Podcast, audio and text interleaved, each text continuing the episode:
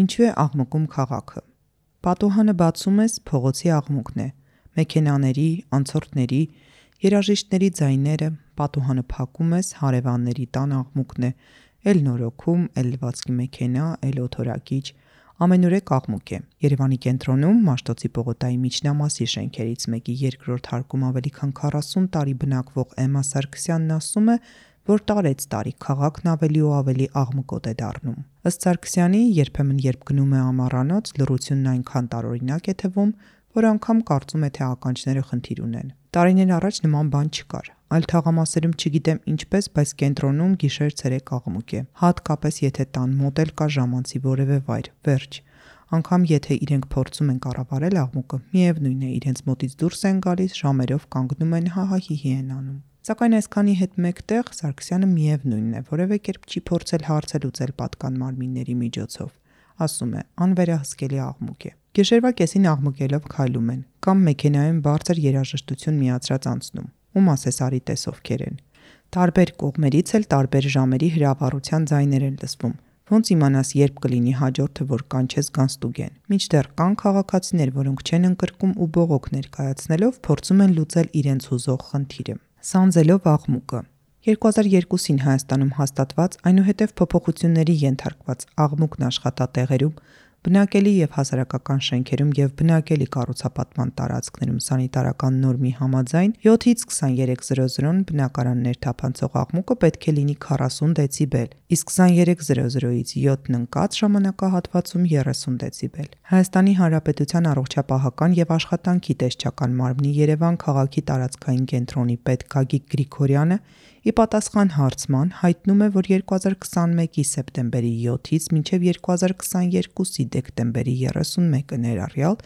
տեսչական մարմին է մուտքագրվել Երևան քաղաքում գործունեություն իրականացնող տնտեսվարող սուբյեկտների գործունեության արդյունքում առաջացող աղմուկի վերաբերյալ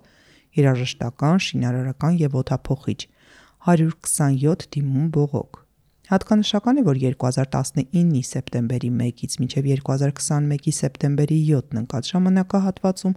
անհանգստացնող աղմուկի վերաբերյալ քաղաքացիներից ստացվել էր 188 բողոք։ Ներկայացված դիմում բողոքներից 124 դեպքերում տեսչական մարմնում հարուցվել են վարչական վարույթներ, որոնց շրջանակներում իրականացված զննումների եւ աղմուկի մակարդակի գործիքային չափումների արդյունքում արձանագրված խախտումների հիման վրա 26 տնտեսվարող սուբյեկտներին տրվել են կարգադրագրեր արձանագրված խախտումները վերացնելու նպատակով սահմանված ժամկետում համապատասխան միջոցառումներ ձեռնարկելու համար։ Միաժամանակ վերոնշյալ տնտեսվարող սուբյեկտների պաշտոնատար անձանց նկատմամբ կիրառվել է 26 վարչական տույժ տուգանք։ Հարուցված 124 վարչական վարույթներից 98-ը կարճվել են 27-ը դիմումատուների գրավոր ձևով իրենց դիմումից հրաժարվելու հիմքով 71-ը վարչական իրավախախտման դեպքի բացակայության հիմքով։ Հիմք ընդունելով վարչարարության հիմունքների եւ վարչական վարույթների մասին Հայաստանի Հանրապետության օրենքի 33-րդ հոդվածը 3 դիմում բողոք վերադարձվել է դիմողին, նշելով պատճառների մասին։ Նշված է Գրիգորյանի պատասխանում։ Հայաստանի Հանրապետության առողջապահության եւ աշխատանքի տեսչական մարմնի Երևան քաղաքի տարածքային կենտրոնի հիգիենիկ, սանիտարահիգիենիկ եւ հակահամաճարակային վերահսկողության բաժնի պետ տեսուչ Նոնա Հայրապետյանն ասում է, որ տեսչական մարմինը գործող օրենսդրության պահանջներով վերահսկող կառույց է, որն իրականացնում է ստուգումների վարչական վարույթների միջոցով։ Հայրապետյանը բացատրում է, որ հարուցված վարչական վարույթների շրջանակներում նշանակվում է համապատասխան զննում։ Եթե դիմումում հստակ նշվում է բողոքի աղբյուր տնտեսվարող սուբյեկտը,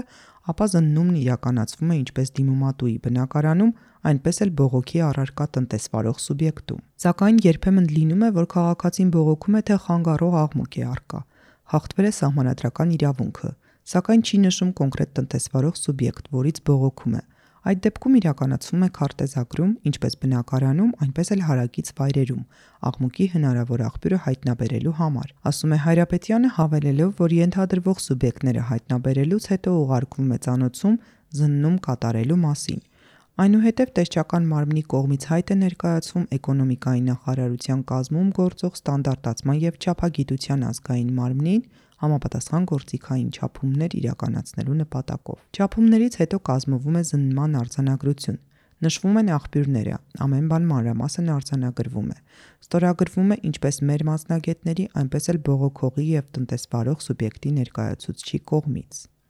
Այնուհետև ներկայացվում է փորձագիտական եզրակացություն, իրականացվում են լսումներ, ապահովում ենք իրենց լսված լինելը։ Եթե աղմուկի գործիքային փորձակնության արդյունքում չեն արձանագրվում խախտումներ, ապա գործը կարճվում է։ Խախտումների դեպքում տնտեսվարողին տրվում է կարգադրագիր, հստակ նշելով ժամկետները աղմուկի մակարդակը սահմանված մակարդակին համապատասխանեցնելու համար եւ նշանակվում է վարչական տույժ։ Ասում է Հայրապետյանը նշելով, որ ժամկետը լրանալուց հետո կրկին իրականացվում է զննում, գործիքաչափում,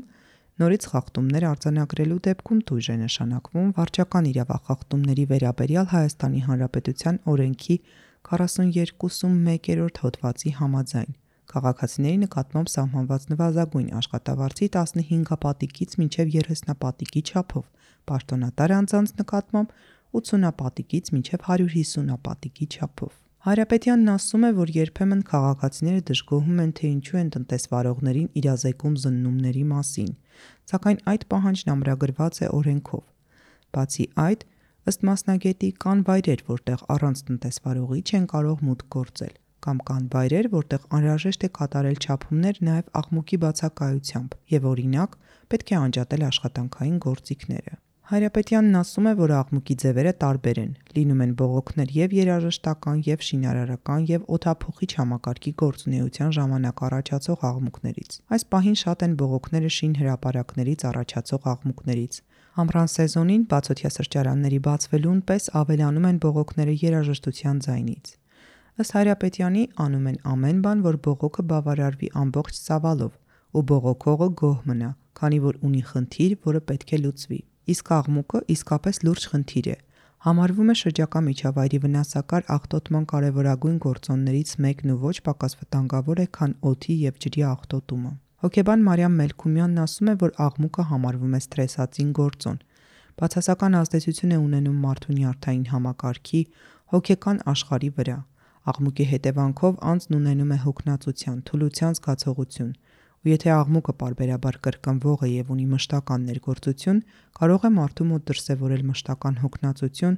աշխատունակության անկում, մինչդեռ անձը հնարավոր է որ անգամ չգիտակցի, թե ինչ է կատարվում, ինչի հետևանք է իր կարգավիճակը, սակայն լինի անդրամադիր, դյուրագրգիռ։ Կան աղմուկի տեսակներ, որոնց մեր օրգանիզմը սկսում է հարմարվել, ժամանակի ընթացքում սկսում է չնկատել,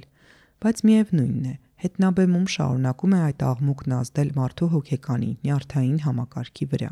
ասում է Մելքումյանը։ Չափելով աղմուկը. Երևանի աղմուկի քարտեզը վերջին անգամ կազմվել է 1976-ին, մինչդեռ դրանից հետո աղմուկն անընդհատ աճում է։ Պատճառները շատ են։ Ավելացել են տրանսպորտային հոսքերը, ինժեներատեխնիկական սարքերի տեսակների եւ քանակի, օգտագործման ծավալների ավելացումը, շենքերին տեղադրվող օթորակման սարքավորումները, Զվարճանքի կենտրոնները, սրճարանները, ռեստորանները, ակումբները, փաբերը, որոնք հաճախ օգտագործում են ձայնային հզոր սարքավորումներ։ Դեռ 2019-ի փետրվարին առողջապահության այն ժամանակվա նախարար Արսեն Թորոսյանը Facebook-յան իր էջով տեղեկացրեց, որ արդեն ունեն Երևան քաղաքի փոքր կենտրոնի աղմուկի քարտեզը, կազմված հիվանդությունների վերահսկման եւ կանխարգելման ազգային կենտրոնի կողմից։ Քարտեզը տեղեկացնում է, թե հատկապես որ հատվածներում է աղմուկի մակարդակը բարձր եւ որոնք են դրա հիմնական աղբյուրները։ Թորոսյանի ներկայացրած քարտեզի համաձայն փոքր կենտրոնում առավոտյան չափումների արդյունքում գրանցվել էր 60-ից 78 դեցիբել աղմուկ, ցերեկվա ժամերին 60-ից 74 դեցիբել, երեկոյան ժամերին 60-ից 75 դեցիբել։ Հաճախ ստանում ենք հետևյալ տեսակի մեղադրանքներ. կարևոր գործերը թողած ինչով եք զբաղվում Նման մեղադրանքները հիմնականում ուղղված են լինում մեր այն նախաձեռնություններին, որոնք վերաբերում են հազարավոր մեր քաղաքացիների եւ հատկապես կանխարգելիչ միջոցառումներին։ Աղմուկը ինքնին լուրջ հանրային առողջապահական խնդիր է եւ այո, մենք նաեւ դրանով ենք զբաղվելու գրել էր Թորոսյանը, հավելելով, որ աշխատանքները շարունակական են լինելու։ Առողջապահության նախարարության հիվանդությունների վերահսկման եւ կանխարգելման ազգային կենտրոնի ակուստիկայի, ճարտարագիտատեխնիկական եւ տեղեկատվական տեխնոլոգիաների ոլորտի պատասխանատու Կարո Փալայանը եւս հաստատում է, աղմուկը իրականում շատ կարևոր հանրային խնդիր է։ Աղմուկի բարձրությունից կախված բնակչությունը կարող է ունենալ անգամ առողջական խնդիրներ։ Սակայն 2019-ից սկսված չափման գործընթացը դեռևս չի ավարտվել։ Ամիսներ անց սկսվեց կորոնավիրուսի համավարակը, քաղաքացիների տեղաշարժի սահմանափակումների պայմաններում աղմուկի չափումն անիմաստ էր։ Պարզապես լռություն էր, մեքենաների շարժ չկար, ռեստորանները չէին աշխատում։ Կարելի է ասել շատ լավ վիճակ էր։ Սակայն դա իհարկե իրականությունը չէր ու եթե մենք այդ ժամանակ անգամ անեինք չափումները, իրական պատկերը չէր լինի։ Ասում է Փալայանը նշելով, որ այժմ շարունակվում են աշխատանքները, որոնք սակայն երկարատև ու ժամանակատար են։ Լինում է, երբ քաղաքում այլ աղմուկների արկայության դեպքում ստիպված են լինում դադարեցնել չափումները ճիշտ արդյունք ունենալու համար։ Փալայանը հայտնում է, որ այս պահին ավարտվել են կենտրոն վարչական շրջանի նախնական չափումները, սակայն աշխատանքներն իրականացնում նաև մյուս շրջաններում, որպիսի կարողանան գնահատել, ինչպես նաև անցկացնել արդյունքների համեմատական։ Կենտրոնում կան տեղեր, որտեղ Հայաստանում ընդունված նորմերը պահպանվում են, սակայն Մաշտոց, Կորյուն, Հերացի փողոցներում, օրինակ, սերեկային ժամերին աղմուկը հասնում է մոտ 75 դեցիբելի։ Շատ ժամանակ ավելի շատ։ Հիմնականում միջին շենքային պատն ու պատուհանը կարողանում է պահպանել միջինում 10-ից 15 դեցիբել։ Հետևաբար, հետևաբար բնակարան ներթափանցած աղմուկը միանշանակ գերազանցում է ընդունված նորմը, մեկնաբանում է մասնագետը։ Փալայանի խոսքով թեև ակնկալվում է, որ ոչ աշխատանքային շաբաթ ու կիրակի օրերին կենտրոնում աղմուկը պետք է նվազի, սակայն դա այդքան էլ այդպես չէ։ Ոչ աշխատանքային օրերին անգամ հոսքը կարծես կենտրոն է գալիս։ Ռեստորանների աղմուկն էլ մյուս կողմից։ Եթե աշխատանքային օրերին առավոտյան 7-ից 9-ն է աղմուկը շատ բարձր, այնուհետև ավելանում է ցերեկային ժամերին, իսկ երեկոյան 18:00-ից 21:00-ն է լինում պիկը, Մինչդեռ շաբաթ-կիրակի աղմուկն սկսվում է ցերեկվա ժամերից մինչև երեկո։ Ըստ մասնագետի, Երևանը կառուցված է տարբեր բարձրությունների վրա ու աղմուկը կարող է անգամ երկար հեռավորության վրա տեղ հասնել։ Որտեղ շինարարություն է միանշանակ, աղմուկը բոլոր նորմերը գերազանցում է։ Սակայն եթե պահպանվեն շինարարական նորմերը եւ մեկը մյուսի նկատմամբ հարգանքը, հնարավոր է խուսափել մեծ վեճերից եւ խնդիրներից։ Փալայանի կարծիքով կարևոր խնդիր է նաև թրթռումը, որն աղմուկի անբաժանելի մասն է։ Աղմուկը կարող է դառնալ թրթռում, թրթռումը կարող է դառնալ աղմուկ։ Ես միշտ ասում եմ, որ օթորակիչները կոշտ ամրացնում են պատերին, մինչդեռ իրենց հետ լինում են ռետինե տափողակներ, որոնց վրա պետք է ձգվեն։ Սակայն չգիտես ինչու մեր վարպետները դրանք անպիտան են համարում։ Մինչդեռ տարիների ընթացքում շարժիչի մաշվելուն զուգահեռ աղմուկն ու թրթռումն ավելանում են, ինչը փոխանցվում է ամբողջ պատին, ու եթե տան մի կողմից էլ որևէ բան է ամրացված, դա դառնում է աղմուկ։ Այսինքն թվում է, թե աղմուկ է, մինչդեռ շարժիչի աղմուկի թրթռումն է։ Ըստ Փալայանի, առհասարակ Հայաստանում շատ հարցեր կարգավորված չեն։ Օրինակ, ցանկացած մարդ կարող է ցանկացած վայրում կախել իր օտարակիչը, ինչը մինչդեռ կարող է խանգարել հարևանին։ Բացի այդ, Փալայանն ասում է, որ գոյություն ունի ֆոնային աղմուկ հասկացողությունը, որը բոլոր աղմուկների համախմբվածությունն է։ Երբ ֆոնային աղմուկը նվազում է, օրինակ գիշերային ժամերին, մարդը կարող է լսել աղմուկներ, որոնք երբևէ չի լսել։ Եթե ֆոնային աղմուկը բարձր է լինում, մարդը կարող է դիմացի շենքի օթափողիչի ձայնը չլսի, մինչդեռ ֆոնային աղմուկի բացակայության դեպքում անգամ դա է լսվում։ Աղմուկի ալիքները մեկը մյուսին կարող են մարել։ Երբեմն կան մարդիկ, որ ասում են, Օրինակ հարակից ռեստորանը փակվեց, սկսեցի բոլոր աղմուկները լսել։ Կարո Փալայանն ասում է, որ այս պահին եղած ուսումնասիրությունների համաձայն, ինչպես նաև ամբողջ աշխարհում, քաղաքային աղմուկի հիմնական աղբյուրը տրանսպորտային միջոցներն են, որոնք էլ շատ տարբեր են, կախված եղանակից, տեղանքից, ճանապարհի ծածկույթից, ինչպես նաև մեքենաների եւ անվադողերի տեսակներից։ Աղմուկն անընդհատ տատանվում է։ Օրինակ, ամառային անվադողերն ավելի քիչ աղմուկ են արձակում, ձմեռայինները ավելի շատ քանի որ փորվածքներն ավելի շատ են։ Տարբերվում են նաև աերոդինամիկայի հետ կապված աղմուկները։ Բացի այդ, մոդայիկ է դարձել նաև մեքենաների խլացուցիչներից հրաժարվելը կամ ձևափոխելը, ինչն էլ իր հերթին աղմուկն առավել բարձրացնում է։ Փալայանն ասում է, որ եվրոպական մի շարք երկրներում արդեն մեծ աղմուկ արձակող շարժիչները փորձում են հեռացնել քաղաքի կենտրոնից, անգամ սկսել են ուշադրություն դարձնել ինքնաթիռների շարժիչներին։ Երևանում որոշ կարգավորումներ կան միայն բեռնատար մեքենաների հետ կապված։ Իրականում միայն առողջապահության նախարարությունով հնարավոր չէ այս աղմուկը նվազեցնել։ Դրա համար փորձում ենք ամբողջ Երևան քաղաքում ավարտել մեր հետազոտությունը, որpիսի գանք եզրահանգման, վերլուծենք բոլոր արդյունքներն ու հետո նախատեսվում է շահագրգիռ բոլոր գերատեսչություններին հրավիրել հանդիպման, ներկայացնել իրավիճակը, որպեսի իրենք էլ մեզ օգնեն խնդրի լուծման հարցում։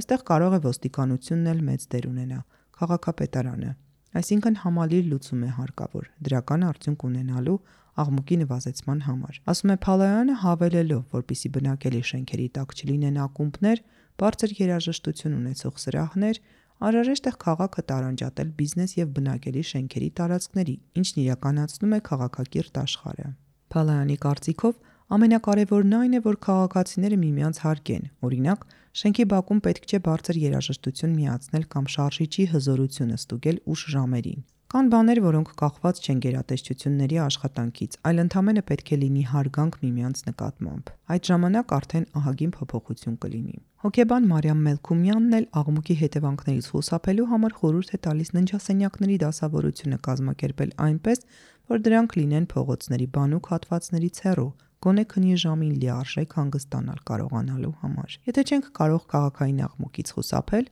ուրեմն հարկավոր է parberabar դետոքս ծրագրեր կիրառել մեզ համար հանգիստ կազմակերպել, բնության մեջ լինել, դրության մեջ լինել։ Ինչ որ վայրեր գնանք, որտեղ մենակ ենք, հանգիստ ենք, լուռ է, որպիսի հնարավորություն ունենանք մեր ռեսուրսները վերականգնել։